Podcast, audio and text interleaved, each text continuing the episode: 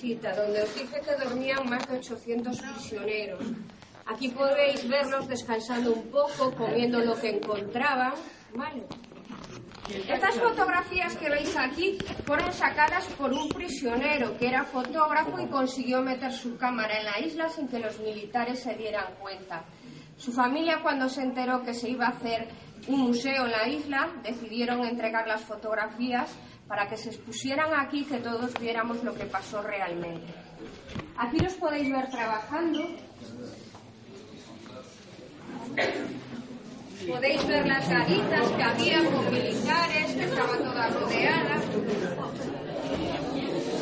Aquí, chicos, al acabar de trabajar apenas los dejaban descansar, los juntaban en un campo que hay aquí en pelotón, de pie durante horas rezando para ver si así les cambiaba la ideología.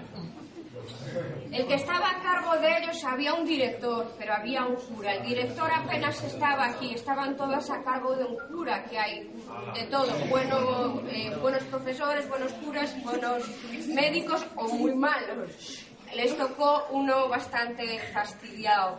Eh, algunos de ellos los mató a patadas, porque no aguantaban tantas horas de pie rezando después de tanto trabajo y para que se levantaban le daban patadas. Algunos no podían con la, no tenían fuerza y lo reventó a patadas. Eh, no, no estaban entre rejas, como os dije, estaban eh, trabajando todo el día hasta que lo metían tres horas o así por la noche a dormir en los edificios y nada más. Lo que sí había debajo de este edificio, en el sótano, que se inunda de agua cuando sube la marea, una especie de jaulas bastante pequeñitas. Eh, a los que veían que no cambiaban su ideología, los metían ahí hasta que subía la marea y morían ahí ahogados.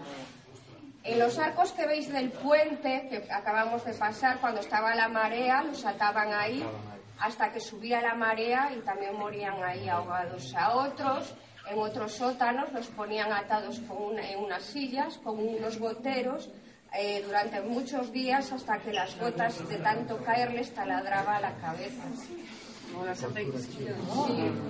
Bueno, aquí podéis ver cómo los traían en barcas. Aquí podéis ver un grupo de prisioneros. Podéis ver que la mayoría de ellos están muy bien vestidos. La mayoría de estas personas eran de un alto nivel cultural. Médicos, profesores, abogados que fueron cogidos así en sus puestos de trabajo. Aquí podéis ver a este prisionero, Damaso, el fotógrafo que hizo todas estas fotografías. A este chico al poco de llegar aquí lo fusilaron.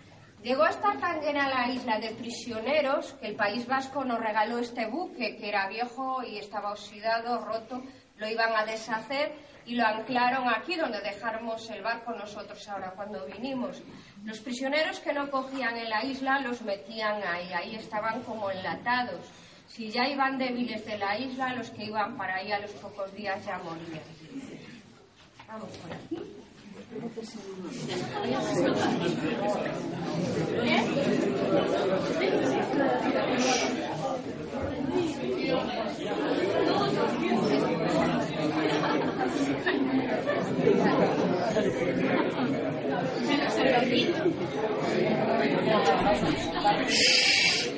Eh,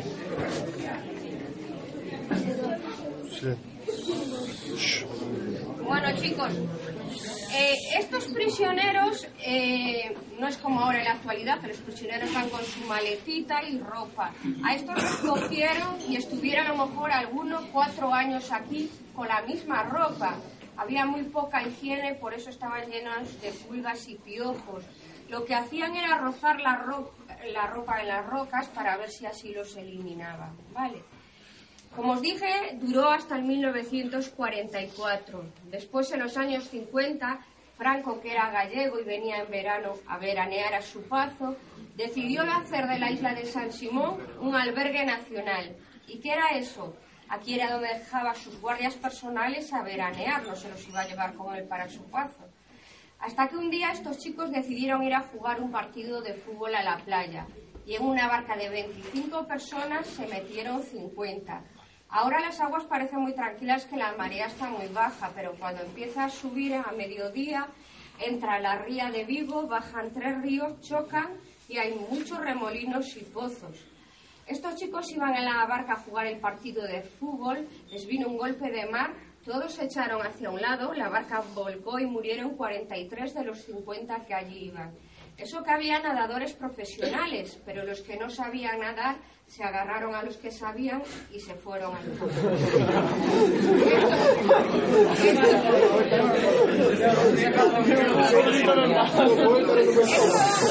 Esto sucedió en el año 1950. Se hizo el rescate de los cuerpos y se decidió cerrar como albergue nacional, como centro de veraneo para estos chicos. Y surgió la última época de la historia de la isla, cuando fue un orfanato. Fue un orfanato del 1955 a 1963. Aquí podéis ver fotografías del rescate de los cuerpos de la Guardia de Franco. Mirad, Sí, aquí lo veis. Salían en esta posición, sacaban del fondo de estar agarrados unos a otros. El primer submarinista que bajó a rescatar los cuerpos un harto de la impresión que les dio verlos así. Joder, así, así no, no, pagamos, no damos pago para rescatar muertos.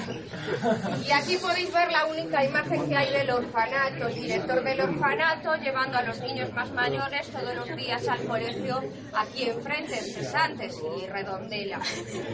Bueno, aquí podéis ver bueno, eh, portadas de los libros que hay con la historia de la isla. A ver si leísteis alguno.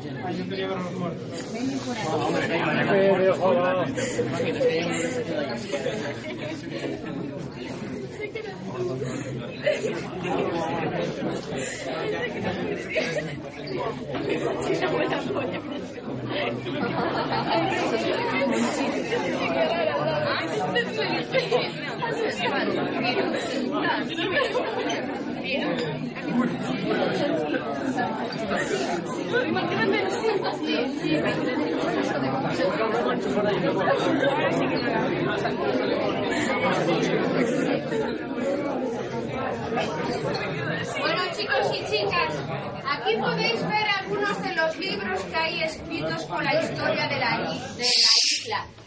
Eh, ¿Visteis o leísteis el libro de lápiz del carpintero que habla, habla de lo que se vivió en esa época? Después tenéis, si vuestros profesores os, os lo quieren poner, este, Aillados, hay un documental, ponéis en YouTube Aillados, y es un documental de los prisioneros cuando, eran, cuando fueron mayores, 80, 90 años, volvieron a la isla para recordar todo y hacer un documental para que quedara escrito y que todo, todos pudiéramos saber lo que pasó realmente. Eso. Ponéis en YouTube Aillados y los veis a ellos de mayores aquí en la isla. Después aquí tenéis eh, fotografías de cómo estaba la isla cuando estaba abandonada. La isla se abandonó en el año 1963 y fue restaurada en los años 90. Estuvo más de 30 años abandonadas.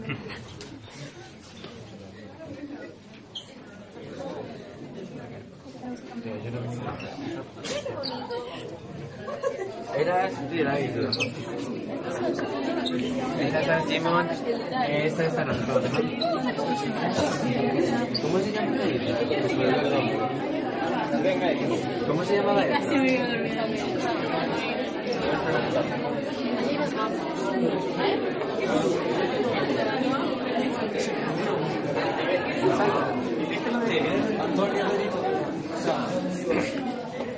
Simón de Calerima.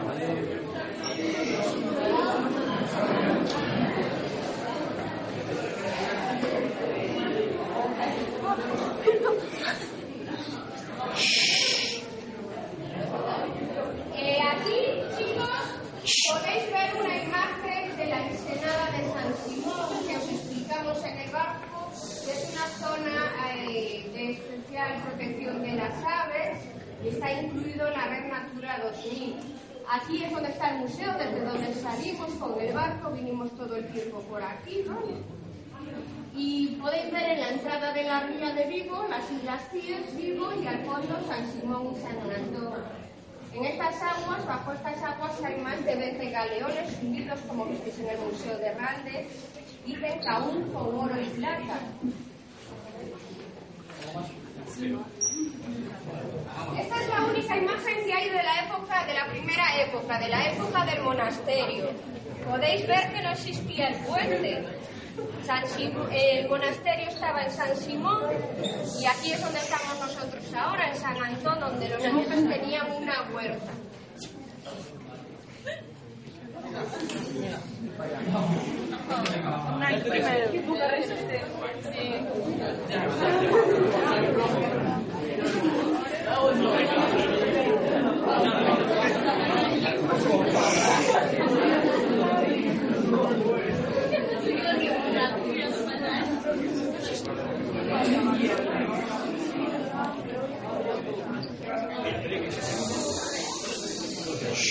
Aquí, bueno, como en la batalla estuvisteis en el museo, ya os hablaron de la, de la historia de la batalla de Rande, podéis ver la cantidad de barcos que se juntaron aquí.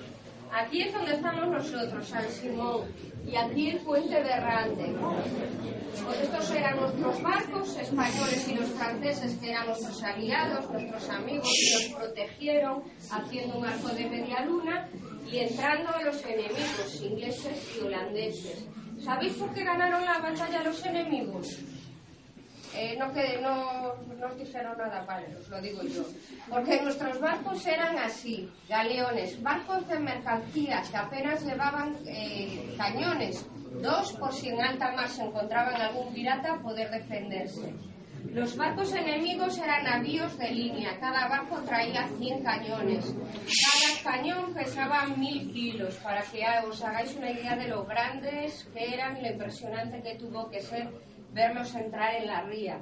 ¿Qué hicimos los españoles y franceses? No teníamos nada que hacer para que no se llevaran nuestros barcos para hacer su ejército más grande, decidimos plantarle fuego para que se fueran al fondo pensando en un futuro volver a rescatarlos. Y desde entonces siguen ahí los barcos. Aquí tenéis un mapa donde está cada uno de ellos hundido. Bueno, aquí podéis ver a Francis Drake, el corsario que saqueó el monasterio. Y este es el mapa. Mirad, nosotros estamos aquí en San Simón. Aquí el puente de Rande. Estos picos que veis son los barcos que están hundidos. Vinimos con el barco todo el tiempo por encima de los galeones.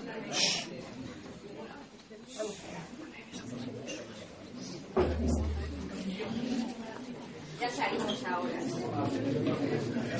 Y estas eh, imágenes y fotografías que vais a ver aquí son de la época de Lazareto, de cuando fue eh, los hospitales.